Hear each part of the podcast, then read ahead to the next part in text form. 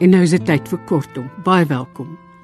Vanaand gaan ons luister na 'n verhaal van J.M. Gilfillan wat ek gevind het in die bundel van stiltes en stemme van die man in Rousseau en die titel van die verhaal is Reën. Interessantheidshalwe, hierdie bundel is in 1990 bekroon met die ou Mutual Letterkundeprys. Pieter van Sail gaan vir ons die verhaal lees. Lekker luister. Reën. J.M. Gilfillan. Teen die derde oggend besef hy dat dit geen normale lente reën is nie. Die skottels en kastrolle wat hy uitgesit het, is almal vol. En die water stroom nog steeds in straakies van die plafon af. Selfs die lakens is klam waar dit aan sy kaal bolyf raak en hy klim maar liewer uit die bed. Sy voetsole krimp terug van die nat vloerplanke af. Is nog sterk skemer. En tog wys sy horlosie dat dit reeds na 7 is. Teen hierdie tyd moes die son al hoog gesit het en alles tot 'n dampende broeikas vol wroetende lewe omstoom het. Hy skud sy horlosie en hou dit teen sy oor. Ja, dit loop tog, stel hy vas terwyl hy die stuk nat gordyn voor die raam wegtrek. Dit reën nog. Die hele skepping is besig met watermusiek dink hy terwyl hy na die egalige gedruis in die agtergrond luister. Hier by hom uit die geete borrel dit en van elke boom en struik af plets dit neer. Al die klein lopies sing in verskillende toonharde tot hulle verenig om die stroom te vorm voor sy venster verby. Agter hom in die kamer plons druppels in die vol kastrolle om daarna uiteen te spetter op die vloer. Selfs die paddas hou asem op of hulle gekwaak verdwyn in die diep ruising van die reën. Hy probeer die buitelyne van die bome onderskei, maar alles is weggevaag. Die hele wêreld het opgelos in waterdamp. Al wat oorgebly het, is hy en sy klein ark wat prekêr teen die heuwel balanseer. Met skiel maar min of ook hy dobber weg op die bruin branding. 'n gedagte wat hom byna opgeruimd stem om terug te vloei tot die oorspronklike waters. Sal 'n eenvoudige selfs poëtiese uiteinde wees. Dit sal hom onthef van alle verdere verantwoordelikheid vir 'n lewe wat nooit iets anders as 'n stuk opdraf sal was nie. Hy gaan na die kombuis om die ketel aan te skakel en loop enkel diep deur water wat besig is om onder die agterdeur in te stroom. Afgetrokke merk hy dat daar 'n paar kakkerlakke rondom die vullisdrom dryf. Hy wonder of hulle swem, want dood kan hulle nie wees nie. Nie hulle wat die pla van Egipte en die farao se paleise oorleef het nie. Hy oorweeg dit om die vloer op te droog. Maar dan sal hy eers die invloei van onder die deur moet blokkeer. Hy besluit daarteen en skakel die radio aan. Verskeie brûe het weggespoel, hoor hy oor die nuus. Talle paaie is onbegaanbaar. Mense word vermis en in die binneland is daar groot veeverliese. Voorlopig is daar nog geen aanduiding dat die reën binne afsienbare tyd gaan opklaar nie. Die publiek word gemaan om nie onnodig rond te ry nie en om water spaarsaam te gebruik. Skout, voel hy en gaan vroetel tussen sy klere tot hy 'n trui kry. Ook die is klam en hy ruik vir rotte blare en muwe brood toe hy dit oor sy kop trek. Hy was of skeer nie, want hy's hastig om te begin werk. Dwarsteer al die mooi weers daar het hy kragteloos sit en kyk hoe die slingerplante sy huis toerank en hoe die geitjie siender oë oorneem. Plaas het hy toegewerk het of miskien 'n voor om die huis gegrawe het sodat die agterdeur nie so direk in die pad van die water is nie. Plex dat hy 'n boot gebou het, dink hy, en lag hardop voor hy die laaste bietjie swart koffie in sy keel afgooi. Hy ruk 'n half voltooide doek van die esel af en smer dit op die vloer. Begeesterd soek hy verf en kwaste byeen, maar die geluid van die telefoon onderbreek hom. Die werk daarom nog, dink hy toe hy wrevelrig die gehoorstuk optel. Dis Elaine wat van Pietermaritzburg af bel. Die huis is skirkdroog. Sy moet sy oë op 'n plas water wat in die hoek begin opdam. Nee, ek bly maar hier. Jy hoor mos dat die paaie onbegaanbaar is. Die stuk grondpad tot by die N3 is teen hierdie tyd seker 'n rivier. Kos. Ja, genoeg vir weke. En hy dink aan die paar blikkies baked beans in die halwe kardus mieliemeel op die kombuisrak. Niks om oor te worry nie.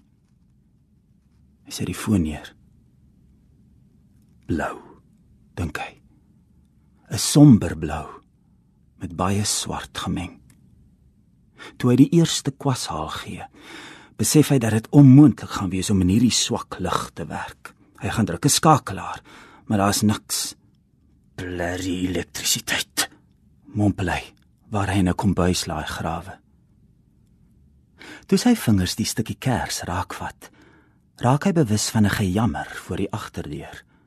Hy maak oop en daar in die reën wat nog sonder ophou neerstort, staan drie figure. Hulle val behoorlik na binne. En nou eers sien hy dat dit 'n ou Zulu vrou is, en 'n jong meisie met 'n knapie van so ongeveer 3 op haar heup. Dis hy wat so huil. By aanskoue van die wit man droog sy krete se muur op en met sy mond nog oopgesper staar hy na die vreemdeling. Dis die ou vrou wat eers te praat. Die woorde vloed en spyt en veral deur haar stemtoon en handgebare kan hy aflei dat hulle hele stad wat Lara van die vallei lê weggespoel het. Zonke, zonke. Wie klag sy met die arms oopgesprei? Die ander mense, die varke, die hoenders, die bokke en die mielies, alles is weggevat deur die water. Vroeg vanmôre toe hulle nog geslaap het. Haar laas van hoe hulle ontkom het, kan hy net gedeeltelik volg. Die seentjie begin saggies skerm en hy wonder of hy koud kry. Hy spoedel kaal wat waarskynlik te verkies is bo die nat klere wat aan die vroue kleef en waar hy die water in straakies afloop. Hy winkel hom om te volg en in sy kamer bedui na die komberse. Hy keer 'n laai se inhoud op die bed om en met die paar woorde tot sy beskikking probeer hy sê dat hulle van sy klere moet aantrek. En bata. En hy bedui met die hande. Waarom het hy nooit behoorlik leer Zulu praat nie, verwyd hy homself toe hy in 'n swart plastieksak gehul by die agterdeur uitgaan en kniediep in die water trap. Hy's versigtig en bly aan die kant van die pad waar dit nog nie so erg ingekawe het nie. Toe hy sy gewig verplaas na 'n sandbank, sak alles onder hom weg en beland hy halflyf in die water. Is nie maklik om weer vaste grond te bereik nie, want elke graspol en elke tak waarin hy vasklem, gee mee in word deel van die stroom. Verder na onder hoor hy 'n diep dreuning En toe hy hande vier voet en uitasem teen 'n hoogtetjie uitklouter, sien hy dat die groen vallei wat altyd so vredig daar gelê het, bespikkel met hutte, nie meer bestaan nie. Nou is daar net een magtige kolking waarin hy boomstompe kan onderskei in groot opgeblaase voorwerpe wat moontlik beeste kan wees. Vir 'n lang ruk staan hy net en kyk. Die dak van 'n hut dobber verby, bots teen 'n boomstam en breek uiteen. Op die hoofstroom seil 'n sinkplaat vinnig, begin dan al in die ronde kok voor dit weer 'n balans vind en uitsig verdwyn. Elk van die klein stroompies wat om hom afloop, voer sy eie vraggie opdrifsel mee, stukke suikerriete, enkele tekkie plastiekbottels, 'n half vergane strooihoed. Nêrens onderskei enige lewende wese nie. Hy wonder waar hy in die voëls gevlug het en of die insekte diep onder die grond veilig is. Wat sou van die molle geword het, die slange en die rietrotte? Vir die eerste keer van die reëns begin het, voel hy intens eensaam. Skout so met die nat klere teen sy lyf op die heuwelrug, alleen in 'n wêreld wat skynbaar besig is om te vergaan. Hy kyk op en sien dat die lug egalig grys is. Die druppels kwes sy wange. Langsaam en versigtig klim hy terug na waar sy huis staan. Hy gaan soek 'n graf en begin om die water van die kombuisdeur weg te lei. As hy alleen was, sou hy die moeite ontsien het. Maar die drie mense wat by hom ingetrek het, bring 'n soort verantwoordelikheid mee. Met die ingaan sien hy dat die kombuisvloer opgedroog is. Ook in die sit- en slaapkamer het hulle die vloere droog gemaak en sy bed is reggetrek. Opeens voel hy geweldig moeg. Miskien moet hy die huis met sy karige inhoud aan hulle oorlaat en eenvoudig uitloop in die reën. Iewers sal hy 'n stroom teekom waarteen hy nie kan veg nie. En wat hom sal meesleer tot waar alles verdwyn in een magtige dreuning. Maar daar sal kos gemaak moet word, dink hy. Hulle het seker gister laas geëet. Hy gaan weer na die buitekamer en kom terug met 'n stuk sinkplaat en 'n paar klammerige stompe. Op die sinkplaat in die middel van die sitkamervloer begin hy vuur maak. Die nat hout rook so dat hy verplig is om al die vensters oop te maak. Hy sit gefrommelde koerante op, maar die vuur bly smoor. Roekeloos begin hy sketse van die mure afpluk en hy voed die vuur daarmee tot dit bestendig brand. Toe gaan wys hy die vrou waar die mieliemeel, die sout in 'n kastrol is. Hy's nog steeds deurnat, maar hy voel dit nie meer nie. In die badkamer wil hy die rook uit sy oë was en moet ontdek dat die watertoevoer afgesny is. Gelukkig is daar volop buite, dink hy, en stroop die nat klere van sy lyf af. Die sweetpak wat hy aantrek voel dadelik klam teen sy vel. Omdat hy steeds doodmoeg is, gelê hy op sy bed. Later kom die meisie sê dat die kos gereed is. In die kombuis neem hy borde en lepels en sny twee blikke bone oop. So goed soos hy kan, verduidelik hy dat dit hulle enigste maaltyd vir die dag gaan wees. Hulle moet kos oorhou vir môre. Kusasa. Herhaal hy 'n paar keer as ook idla terwyl hy bewegings na sy mond maak. In die sitkamer gaan hulle op 'n ry teen die muur sit. Hulle kyk na hom. En dit maak hom verleë sodat hy die paar stoele ignoreer en oorkant hulle op die vloer gaan sit. Hulle eet in volslaa stilte. Wanneer die kleintjie in 'n dringende fluisterstem iets sê, maak die ou vrou hom stil. Sy ouma wonder hy. En die jong meisie kan tog onmoontlik haar kind wees. Haar broertjie miskien. Weet, dalk is hulle nie eens familie van mekaar nie. Hy maak vir hulle koffie en is bly dat daar nog 'n bietjie suiker op die boom van 'n konfytfles oor is, al is dit swart van die mure. Buite suis die reën nog sonder ophou. Die twee vroue maak die eetgery bymekaar en gaan kombuis toe met die kind wat agter hulle aandrentel. Uiteindelik kan hy weer by sy esel kom. Maar die aandrang van die oggend is weg. Op 'n stuk skoon papier trek hy half in gedagte met 'n stuk houtskool die buitelyne van 'n tarantaal. Dit verg min konsentrasie en die swak lig hinder hom nie. Met skielike aandag val hy die lyf in sodat die wit spikkels op die vere uitstaan. Sy vingers voel na 'n stukkie blou kruit vir die neklelle. Impankele. Hoor hy agter hom. Dis die kind wat met wye oë na die tekening wys. Hy neem dadelik 'n nuwe vel en begin 'n renoster teken. Die neushoring het skaars vorm aangeneem of die kleintjie jubel dit uit. "Oop jy Janne!" Wookie vroue kom kyk. Na 'n ruk gaan die ou mens weer teen die muur sit. Haar boelyf beweeg ritmies heen en weer terwyl sy half binnensmonds en onverstaanbaar prewel. Die meisie bly belangstellend van 'n afstand af toe kyk, maar die kleintjie staan nou byna teen sy knie. Op sy vraag antwoord die kind dat sy naam Ben is. Maar sy oë bly op die papier en nog nog bedui hy. Hy dans in die ronde toe 'n bobbejaan mannetjie hom van die blad af koggel en hy maak steungeluide om die infene na te boots. Die meisie lag en die ou vrou klik haar tong en beweeg haar lyf nog hewiger heen en weer. Die hele middag vermaak hy die kind tot dit te donker is om verder te teken. Hy gaan weer hout haal en Ben volg op sy hakke. Ook hy dra 'n paar stompies aan. Toe die water kook, maak hy vir hulle tee. Dis al waar hy die aandmaal bestaan.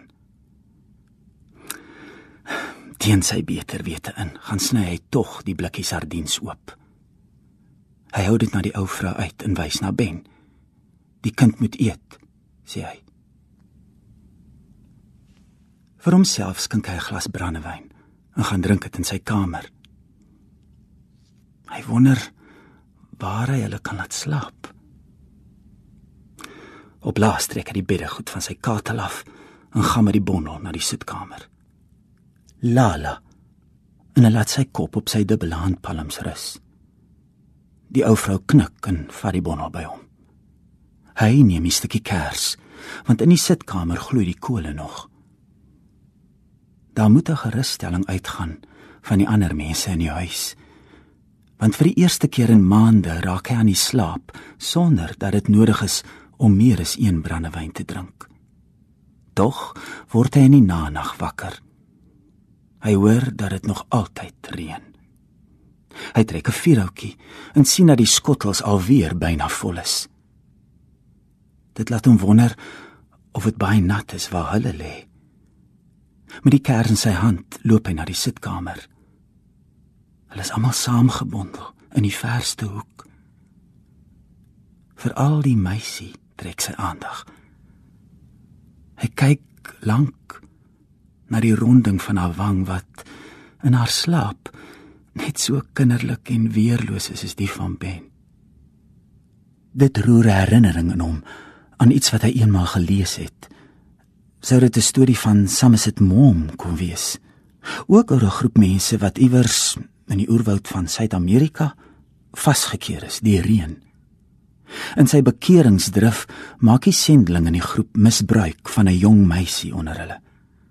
As hy reg onthou, pleeg die kerel die volgende dag selfmoord.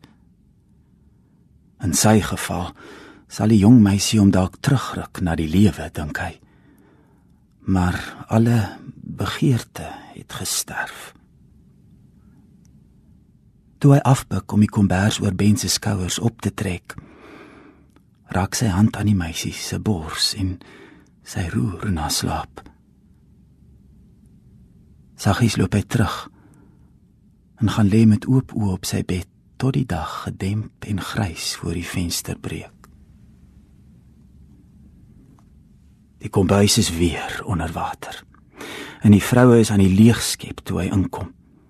Hy gaan trek sy nat klere van die vorige dag aan en begin van niets af 'n teenwaal gooi waar die vorige een weggespoel het. Dit reën nog, maar ligter nou en die sig is beter. Van waar hy staan, kan hy die magtige stroom sien wat in die vallei verbykolk. Hy wonder hoe lank dit sal neem om af te loop en wanneer verbindings met die buitewêreld weer herstel sal wees. Van 'n voertuig kan 'n mens maar vergeet. Selfs al sou die water heeltemal afloop, sal die beste moontlikheid om by die beskawing uit te kom seker maar te voet wees. 3 dagreise ver dink hy en grinnik. Om hom is daar totale verwoesting. Dit lyk asof alles wat groen is deur die water mee gesleer is.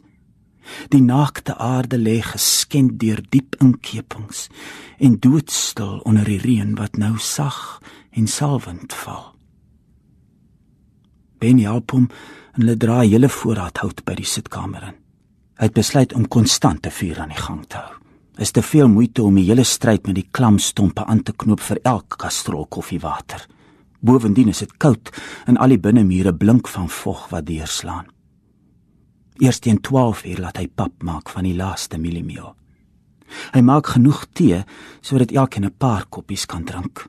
Nou dat die suiker op is, wil Benny die swart bitter tee drink nie en hy verwyd hom dat hy nie 'n voorraad melkpoeier ingesleep het laas toe by die winkel was nie. Ben wil hy moet weer teken. Maar hy sien nie lui nie. Hy gee die kleintjie 'n vel papier en 'n doos pastelle en gaan self na die kombuis om na die nuus te luister. Die kind trek 'n paar strepe en besluit dat hy daarmee die moontlikhede van die vreemde speelgoed uitgeput het. Hy gaan langs die ou vrou sit en steek sy kop onder haar kombers in. Nog altyd styf die reën eentonig neer. En dit is vir hom asof hy 'n radeloosheid selfs in die meisie se oë gewaar. Hy voel dat hy iets moet doen om die ampas te verbreek, maar hy weet nie wat nie. Naderhand gaan soek hy maar sy grammofoon in sy versameling ou plate in die buitekamer. Uit die doos skarle veldmuis en vismotte saai in alle rigtings. Toe hy dit in die sitkamer uitpak, sien hy dat die trompet groen aangeslaan en vol spinnerakke is. Hy gaan soek eers 'n lap en vee dit sorgvuldig skoon. Toe wen hy die grammofoon op terwyl Ben met 'n voorvinger voel oor die foksterrier op die houtkas. Hy neem die boonste plaat van die stapeltjie af en vee dit skoon teen sy hemp. Na aanvanklike gekraak en gekras, kom Cecilia Wessel se stem diep en gedra uit die instrument. Sy sing 'n aria uit Wagner. Ben slaan van sy hurke af reg agteroor op die vloer en skop in die lug. Die ou vrou sê: "Au!" voor sy haar gesig met haar hande bedek. Maar die meisie glimlag sodat haar tande wit opwys teen die bruin van haar vel. Fitzcarraldo, dink hy. En dit voel inderdaad of die huis 'n boot is wat statig voortbeweeg oor 'n wye groen rivier terwyl 'n meesleurende mensestem hartstogtelik sing vir die omringende oerwoud. Toe hy die plaat wil omdraai, is dit asof hy 'n ander geluid bo kan die gedruis van die reën kan hoor. Hy spring op en met Ben kort agter hom gaan hy by die agterdeur uit. Oor die vallei sirkel 'n helikopter. Hy swaai sy arms in die lug en stuur Ben om die vroue te gaan roep. Eers toe hulle buite is en ook staan en wyf, gaan hy in en maak 'n wit hemp aan die besemstok vas. daarmee waai hy deur die lug, maar die helikopter vlieg weg in 'n noordelike rigting.